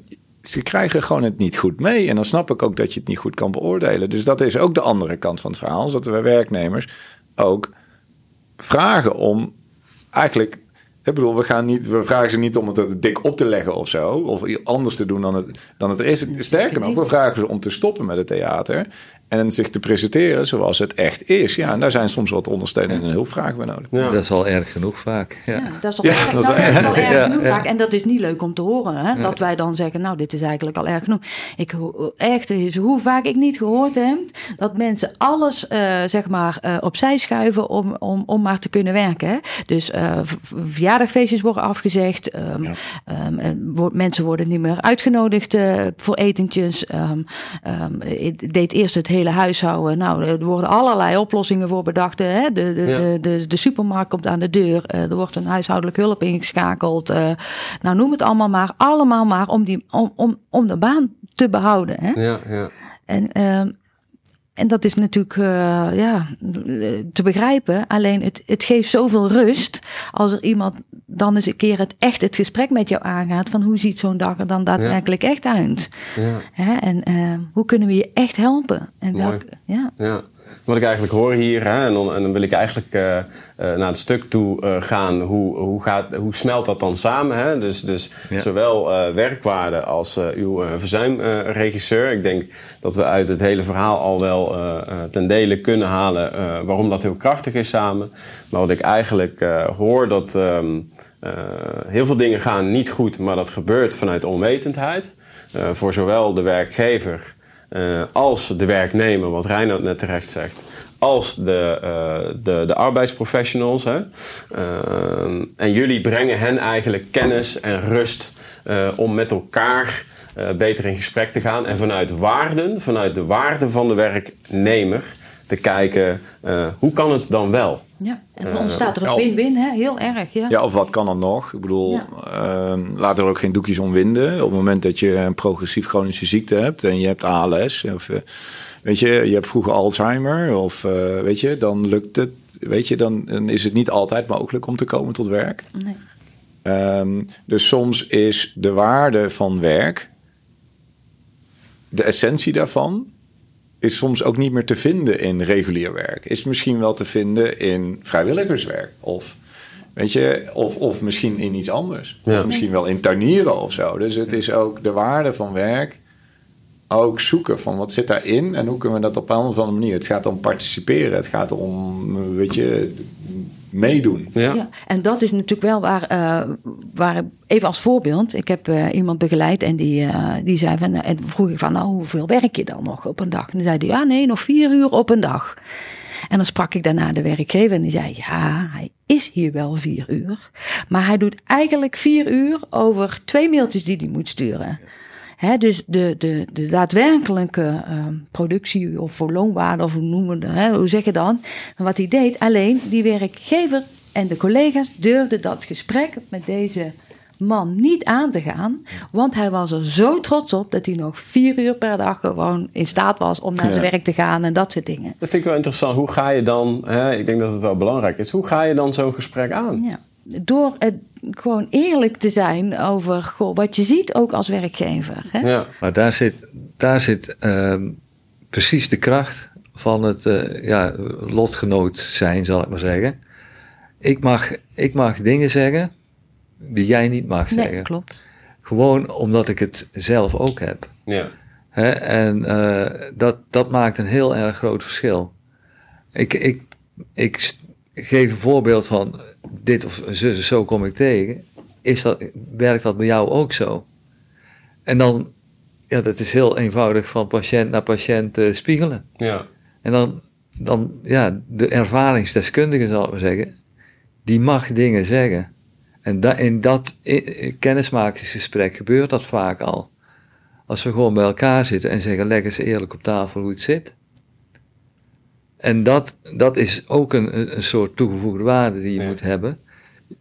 En die zit eigenlijk in drie dingen verpakt. Aan de ene kant eh, ja, inhou- inhoudelijke deskundigheid. Aan de andere kant is dat eh, lotgenoot, ik heb het ook. En de derde is eh, vertrouwenspersoon, want ik hoor bij jou en ik sta naar jou en ik ga met je mee. Ja. Je staat er niet alleen voor. En in die driehoek, daar ontstaat de meerwaarde van, van uw verzuimregisseur. Ja. Niet in de, de kennis, niet in het een of het ander, in de combinatie van die drie elementen. Ja. En als je dat voor elkaar krijgt, dan is iedereen gewoon blij om geholpen te worden. Ja. En dan kun je ook vanuit die drie elementen heel makkelijk connectie maken met de werkgever. Want daar zeg je eigenlijk hetzelfde. Ja. Ik praat naast hem, namens hem of haar. En ik weet waar ik het over heb, want ik heb het zelf ook. Dat, dat is een soort argument, dat is bijna. Ja, wat, wat moet je daarop zeggen? En je hebt kennis over de processen. En je hebt kennis over de processen. Ja.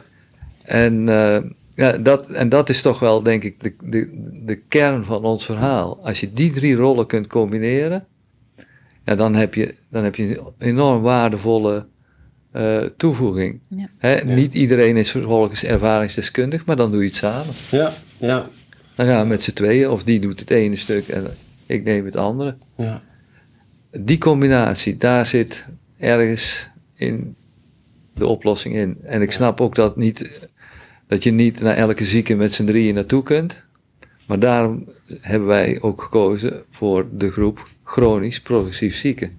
Wat hebben jullie tot nu toe, ehm, eh, want jullie trekken inmiddels natuurlijk ook al samen op, hè, dus daar gaan we langzaam naartoe werken. Maar wat zijn de reacties vanuit de werkgevers tot nu toe, van jullie interventies? Nou, het grootste compliment is dat, eh, nou ja, eh, hopelijk, eh, ehm, eh, ook voor werkgevers, maak je niet al te veel mee dat er werknemers zijn die zo'n hele vreselijke diagnose krijgen. Hè? Dat is, maar wij merken wel dat als dat een keer een, een begeleidingstraject hebben gedaan, dat ze, als er dan nog een keer zoiets voorvalt, dat ze vanaf het begin af aan al meteen ons inschakelen. Ja, dat is natuurlijk het grootste compliment wat je kan krijgen. Ja. En daar willen we eigenlijk ook gewoon een soort van wel naartoe. Dat we niet te laat ingeschakeld worden, want dat zien we soms ook nog wel eens. Hè? Dat, eh, Ja. Maar eh, dat je eigenlijk van het begin af aan al, eh, nou ja, ehm, ja dat, dat vind ik het grootste compliment. Ja. Het is, eh, kijk, als je een van je beste werknemers ziek wordt, is dat ook best wel moeilijk om met hem te praten of met die persoon te praten over bijvoorbeeld einde dienstverband. Dat, is, dat is schrijnend, dat is moeilijk. En eh, werkgevers, ja, die zijn opgelucht en, en die vinden het heel prettig op het moment dat ze ondersteund wordt in het gesprek. Zodat er of een her- goede herplaatsing kan plaatsvinden, voorbij wat zij dachten dat mogelijk was, of dat er een waardig afscheid kan worden genomen. Dat er gezien alle omstandigheden, dat het heel pijnlijk is, maar dat het wel waardig is. Nou ja, dat wilde respectvol. ik net zeggen. Waardig, ja. Hè? Waardig, ja. Je, Wat wij in de praktijk zien, eh, eh, is dat er zo vaak toch ook conflicten ontstaan door nou ja, onbegrip of uh, nou ja, processen, even weer over processen gesproken, hè, maar dat het gewoon verkeerd gaat. Uh, uh, documenten die verkeerd of anders worden opgesteld, dat er een arbeidsdeskundig onderzoek gedaan wordt, terwijl dat eigenlijk helemaal niet nodig is. Hè? Ja. Nou ja, dat soort dingen. Ja. dan, die werknemer heeft geen idee wat er allemaal, allemaal op, op zijn of haar pad komt. Ja. En, um, en die werkgever die doet het ook omdat nou ja, de professional of de arbeidsdienst of wie dan ook zegt dat dat zo nu moet gebeuren. Terwijl, nou ja. het is vaak ook gewoon heel onschuldig en soms zelfs onbenullig. Dat een werkgever bijvoorbeeld denkt, ja, hij is ernstig ziek, ik ga hem maar niet lastig vallen. Ja, dat heb ik en terwijl een werknemer denkt, ja, weet je, ik werk al 30 jaar voor jou, hoezo kan je me niet heel even bellen? Weet je, dat ja. gewoon eigenlijk beide zijden heel graag contact willen hebben, maar dat er een soort van perceptie is dat je elkaar lastig valt. Ja. Uh, ja.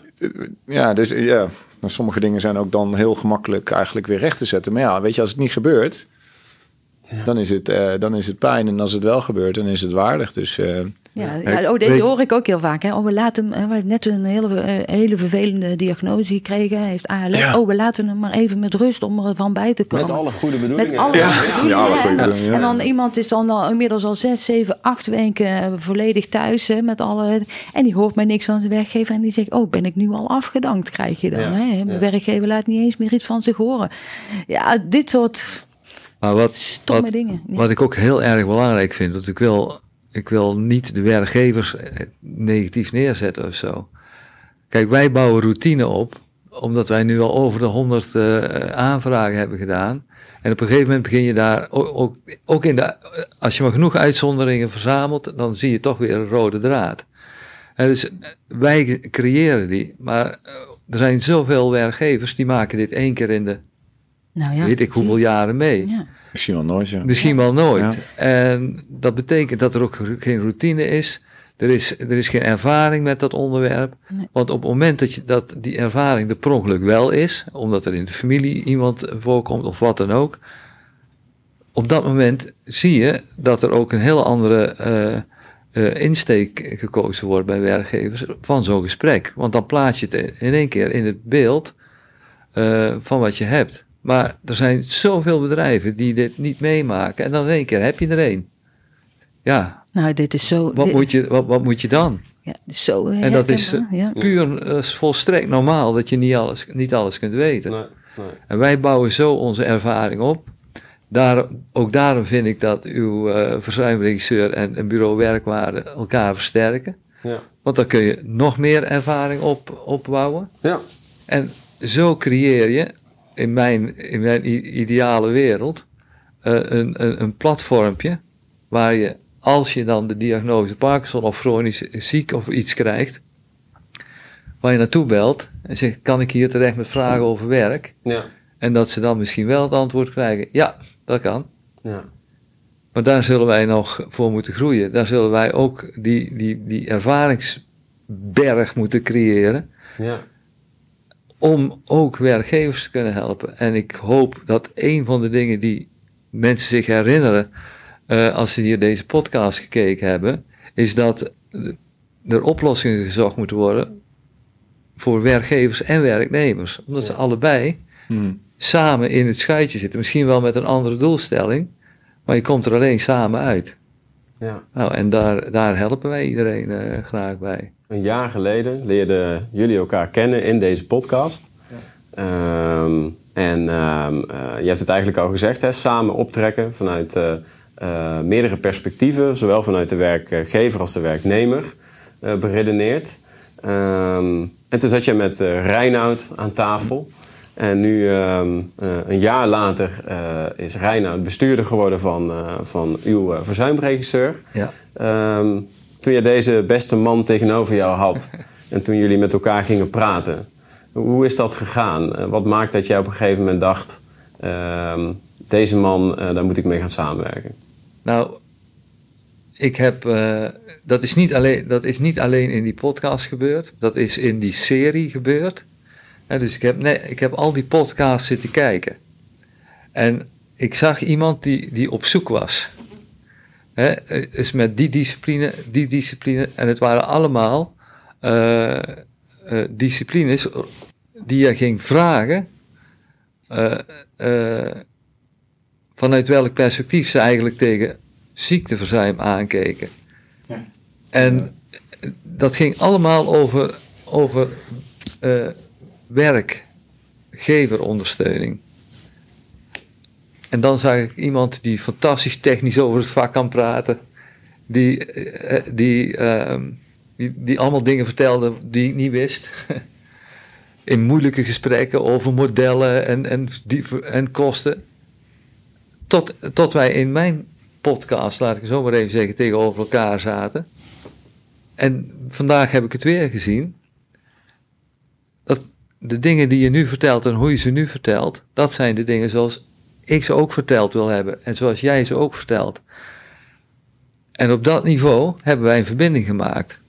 Niet op kennisniveau, Op emotioneel niveau. niet op procesniveau of procedure, maar op persoonlijk emotioneel niveau. Over hoe wij, hoe deze mensen ons ter harte gaan. En dat is het enige wat telt voor mij. De mens centraal. Ja, en dat je. En ik moet eerlijk gezegd zeggen dat dat voor heel veel mensen eh, raar kan, eh, kan klinken als ik dat zeg. Omdat ik ja, altijd bezig ben geweest met, geweest met reorganisaties en allemaal dat soort slimme dingen. Maar daar gaat het niet om. Het gaat om verbinding op dat niveau. En als je dan bij een, een, een patiënt, een medewerker zit. en je praat er op die manier over. dan heeft hij het gevoel van. "Oh, ik ben veilig. Ja. En als je dat kunt laten zien, en dat had jij meteen vanaf het begin, en dat had jij ook, je kunt die mensen een veilig gevoel geven van vertrouw mij, ik ga je helpen. En dat is wat ik zocht. En hoe zie jij dat, Reinoud? Deze woorden.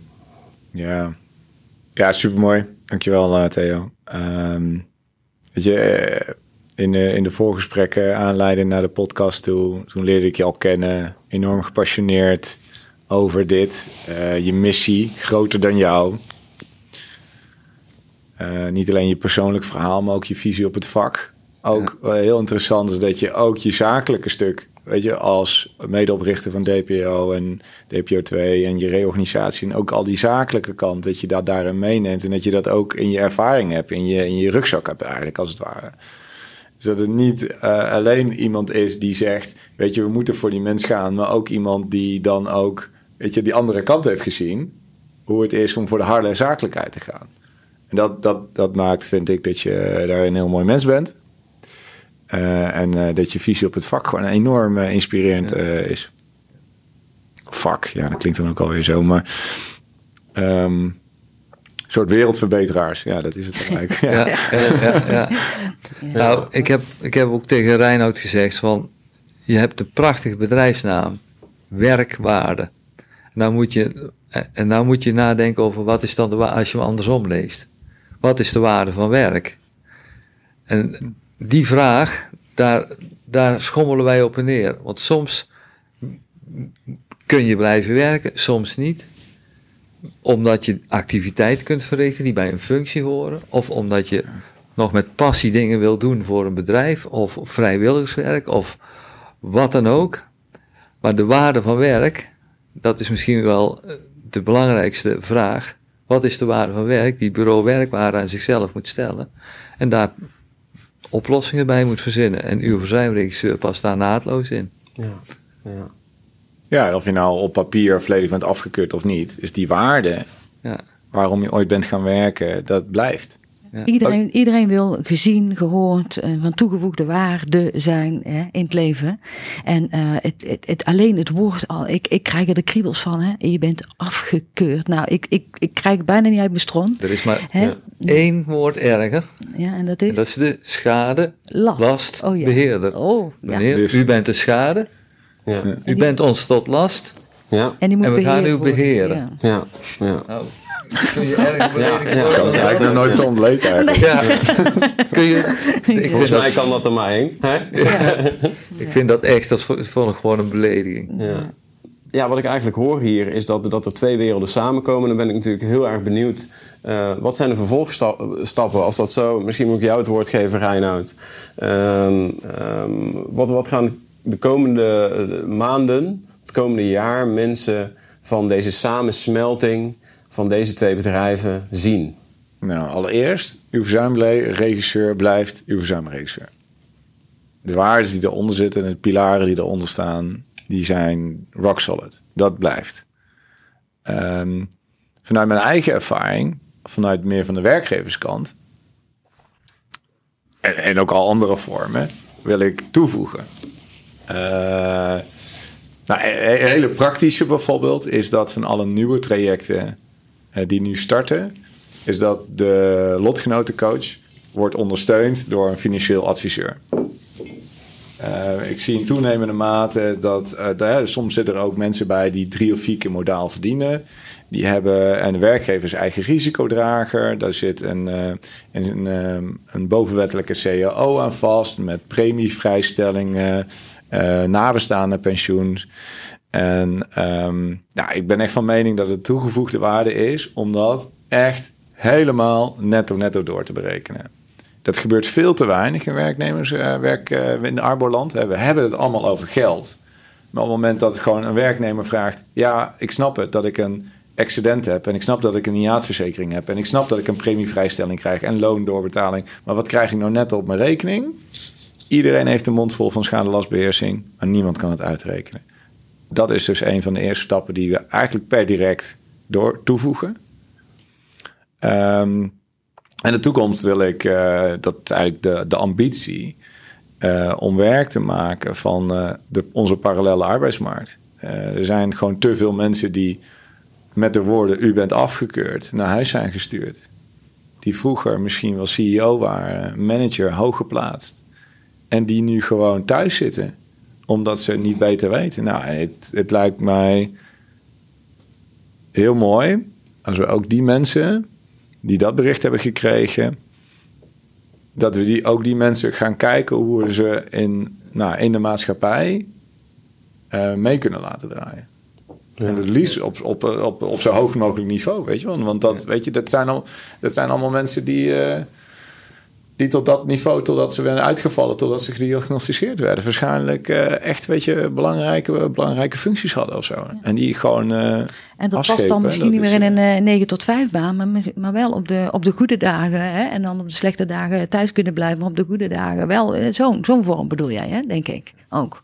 Ja, zeker. Ja. Want het, weet je, het is een beetje ouderwets om alleen in uren te denken. Ja. Moet je nou voorstellen, is dat je een soort teammeeting hebt of dat je een startend bedrijf bent. En dat in jouw vergadering iemand kan aansluiten die die CEO was van een of andere van een multinational. Ja. Dat ene uur dat die persoon daar is, dat, dat, is, dat is heel waardevol. Ja. En dus uh, het klopt, ja, er is meer kunst en vliegwerk voor nodig om iemand met heel veel beperkingen om die tot arbeid te krijgen. Maar goed, hey, daar zijn we ook professionals voor. Dat is ons vak. Dus ja. dat moeten we kunnen, toch? Ja, ik heb er een mooi voorbeeld van. Want ik heb iemand begeleid ook. En die, uh, die, uh, die gaat nu bijvoorbeeld ook naar de uh, opleiding voor, voor, voor neurologen. zeg maar, de neurologenopleiding. En die gaat dan vertellen wat het Parkinson daadwerkelijk voor hem betekent. Dan één keer in de zoveel tijd bij verschillende ziekenhuizen. Dat is dan nu zijn ding. Op, op dagen dat in, dan, dan gaat hij ook helemaal die week, gaat hij daar ook helemaal, dat is zijn passie. Hij wil dat alle neurologen snappen wat de ziekte van Parkinson daadwerkelijk inhoudt. Hè? Dus daar heeft hij helemaal iets voor bedacht.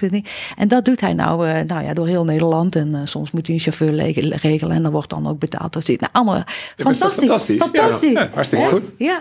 Ja. Heel waardevol, ja. mooie bijdrage. Die is thuis met een IVA-uitkering, hè, want echt daadwerkelijk van 9 tot 5, dat lukt echt niet meer. Ja. Hij is niet meer in staat om zijn loon te verdienen, maar een enorme toegevoegde waarde op kennisniveau. Ja. Um, voordat wij, hè, we, gaan, we kabbelen langzaam een klein beetje naar het einde van, uh, van deze podcast. Uh, dan wil ik jullie in ieder geval uitnodigen om vast na te denken uh, over misschien nog een nabrander of iets wat jullie nog kwijt willen. Uh, dan richt ik me even tot, uh, tot Reinoud. dit betekent dus ook eigenlijk, een, we noemen het even een heel hip woord, een rebranding van deze podcast. Ja, ehm, ja hoe, hoe gaat dat eruit zien? Want jij gaat gewoon door met deze reeks. Um, ja, de, mijn ontdekking en mijn leertocht wat dat betreft zijn niet klaar. Ik vind het veel te leuk om te doen. Uh, betekent wel dus dat ik alle inzichten die ik tot nu toe heb gedaan... en alles wat ik in, uh, uh, in de podcast heb gegoten... dat ik dat er ook daarin mee wil nemen. En dat ik dat de podcast tot dusver echt is gestart met werkgeversperspectief... En dat ik nu zie, en dat ik me nu steeds meer doordrongen ben, na twintig podcasten te hebben gemaakt, is dat het werknemersperspectief zorgt voor succesvolle reintegratietrajecten. Dat dat niet alleen een soort menselijk beeld is, een goed werkgeverschap, maar dat het financieel ook gewoon heel interessant is. En dat is vandaag nog niet zoveel aan bod gekomen, maar dat het als je een werknemer helpt en die komt tot werk, dat dat veel goedkoper is dan een, uh, een zo'n een, een proforma reintegratietraject op de Dus die, dat is dus echt de essentie. En dat gaat in de toenemende mate in de komende podcasten meer, uh, meer naar voren komen. En het gaat het podium krijgen. Dus het wordt nou juist op de spits, op het scherp van de snede, waar, die, waar de belangen van de werkgever, de belangen van de werknemer ontmoeten. Waar, waar die twee samenkomen dat wordt het nieuwe snijvlak van de Werkwaarde podcast. Nou, dit hadden we misschien voor de nieuwe jingle uh, vast moeten leggen. Misschien gaan we het ook wel gebruiken ook, want uh, die was heel scherp. Uh, thanks in ieder geval daarvoor. Ehm, eh, en misschien ook wel handig dat je nu een oproep doet naar welke mensen... Ehm, zouden zich aan kunnen melden. Hè? Ik, ik, neem aan dat mensen zich aanmelden voor de podcast, maar dat je soms ook mensen scout. Dus, dus aan welke mensen zit je nu te denken? Ja, ik, ik heb ik kijk met vol trots eh, terug naar de podcast die ik met Theo heb opgenomen. Daar hebben we natuurlijk het thema Parkinson. Hebben we daar stond centraal toen, hè, Theo. Um, we hebben ook lotgenotencoach voor, uh, genoten voor eh, MS. En in de toekomst wil ik eigenlijk ook de dienstverlening uitbreiden naar andere progressief chronische ziektebeelden. Um, ik zou het hartstikke mooi vinden als ik ook een podcast kan doen over MS, over ALM, ALS, over niet aangeboren hersenletsel. Ehm, en dat ik met misschien iemand een ervaring hè, die het zelf heeft, of, of in, in, en dan misschien nog een tweede persoon erbij, die als professional. Hè, dat ik dat snijvlak van hoe het is om het zelf te hebben en hoe als je als professional ernaar gekeken wordt. Dat we dat duidelijk kunnen maken. Want daar zit de muziek, hè? Ja. Het is niet een eenzijdig verhaal. Het is waar het niet juist samenkomt. Dat het, uh... Dan heb ik nog een mooie aanbeveling. Dan zou ik eens gaan praten met Robert Jansen van het Centrum voor Chronisch Ziek en Werk. Heeft zelf reuma, is, heeft dit opgericht en, en is gespecialiseerd in het trainen van lotgenotencoaches. Nou, volgens mij uh, kom je niet dichter bij uh, de ideale persoon dan dit. Ja. Dan, uh, bij deze uh, ja. Hartstikke mooi. Ja. Nou ja, hoe kunnen mensen jou bereiken die nu deze podcast luisteren?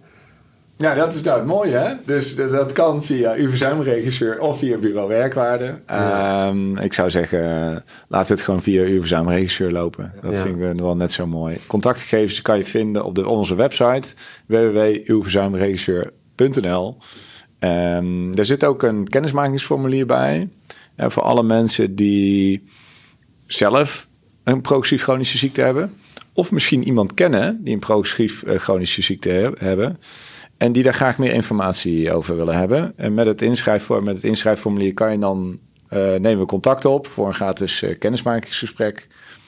En dan kijken wij hoe wij die persoon verder kunnen helpen.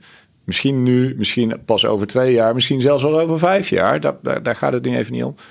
Maar als er is een uitgestoken hand, dus iedereen die graag meer over zou willen leren, wij kijken graag mee wat we voor die persoon kunnen doen. Um, vrijblijvend, kosteloos. Dankjewel. En nu hebben jullie kunnen nadenken, Theo, Inge. Ja. Die uh, laatste nabrander waar we mee af gaan ronden.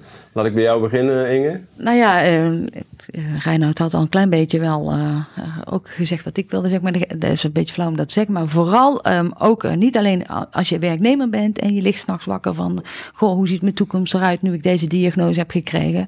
Maar ook eigenlijk aan, nou, aan leidinggevenden of werkgevers die naar deze podcast luisteren... of HRM-medewerker die zeggen... hey, wij hebben ook iemand binnen onze organisatie die hier hartstikke mee worstelt. Um, ja, ik zou echt die mensen willen aanraden om uh, gewoon vrijblijvend een keer een gesprek uh, nou ja, aan te vragen. Uh, nou ja, het, ontzettend helpend. Ik, ik, het enige wat, wat, mij, wat, wat ik heel erg graag zou willen, is dat iedereen van ons, ons weet dat we er zijn. Ja. Dat, zou ik, dat zou ik nog meer ja. willen. Ja. ja, mooi.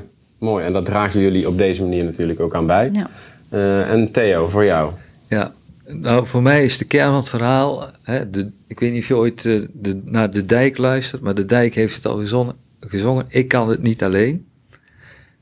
ik heb het een aantal keren geprobeerd om het alleen te doen. Hè, bij DPO 2 heb ik gelukkig het bedrijf achter kunnen laten in goede handen van de andere partners. Bij uw verzuimregisseur heb ik het alweer iets beter geleerd, want ben ik net op tijd. Ik had nog een stichting opgericht, Held on Tour. Oh ja, dat moest ik nog even zeggen, Held on Tour, stichting.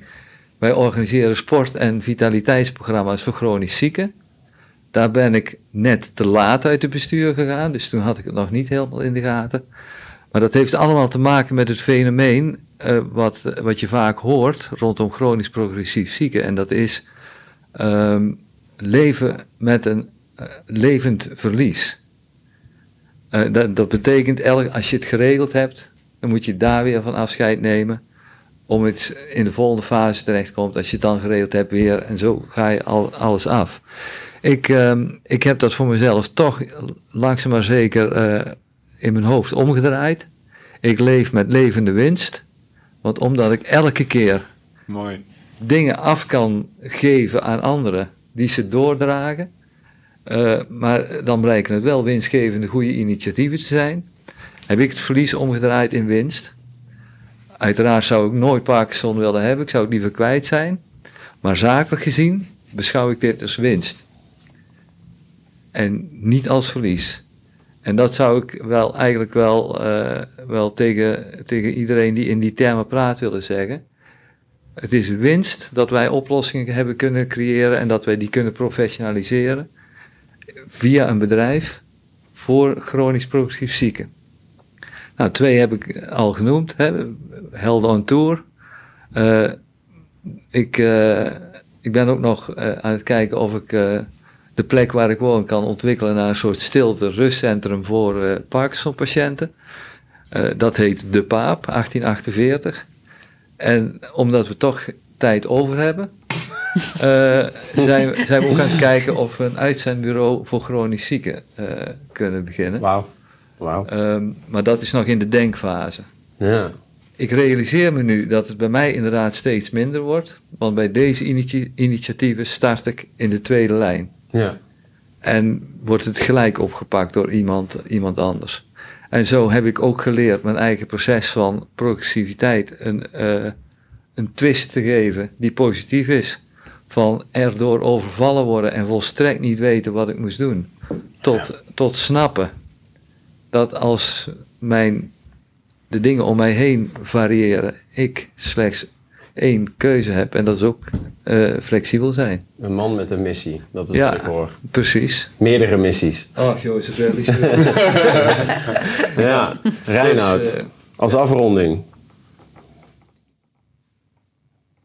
Um, de slogan van Bureau Werkwaarde was altijd de waarde voor werk. Of laten we werk maken van verzuim. Ja, ik denk dat het nu moet zijn werk maken van verzuim of werk maken van werk en inkomen. De werkwaarde gaat over werk en inkomen. En dat is hetgene wat ons bindt. Dat de waarde van werk is voor veel mensen natuurlijk de salarisstrook, maar daar is ook veel meer achter. Je werkt niet alleen voor het geld, er zit participatie, identiteit, alles zit erachter. Ja. Ook zelfs als je niet meer kan werken, zit dat er nog steeds in. Zit, blijft die behoefte uh, onverlet aanwezig. En uh, daar invulling aan geven. Dat is. Um, ja, wat is dat? Dat is. Nou. De, het doel, is, het reden, dat is, groter dat dan mij. Dat is waar het groter om gaat. Dan, ja, daar, ja. naar mijn mening ook waar het om gaat. Daar raak je, hè, daar sta je iedere ochtend uh, voor op om uh, echt als toegevoegde waarde te zijn in ons vakgebied, denk ik. En dat vind ja. ik nou een hele mooie afronding. Um, dank jullie wel. Leuk dat ik uh, zoveel mocht leren van jullie over onderwerpen waar ik zelf uh, niet heel veel verstand van heb. Ik hoop dat we de luisteraar in ieder geval uh, hebben kunnen boeien. En ik wens jullie ontzettend veel plezier vooral. maar ook wens ik jullie dat jullie heel veel mensen blij kunnen maken, zowel werkgevers als werknemers, met wat jullie aan het doen zijn. En uh, ik kijk al uit naar de volgende podcast, uh, Reinoud. Ja, kan ik weer uh, zelf hosten. Ja. Ik mist het wel een beetje. Snap ik. Dank jullie wel allemaal. Ja, jij ook nou, jij ook bedankt. Ja, Bedankt voor het luisteren naar de podcast. Wil je meer weten over een effectieve verzuimaanpak? Download dan mijn e-book over de 7 oorzaken van te hoog verzuim op werkwaarde.nl.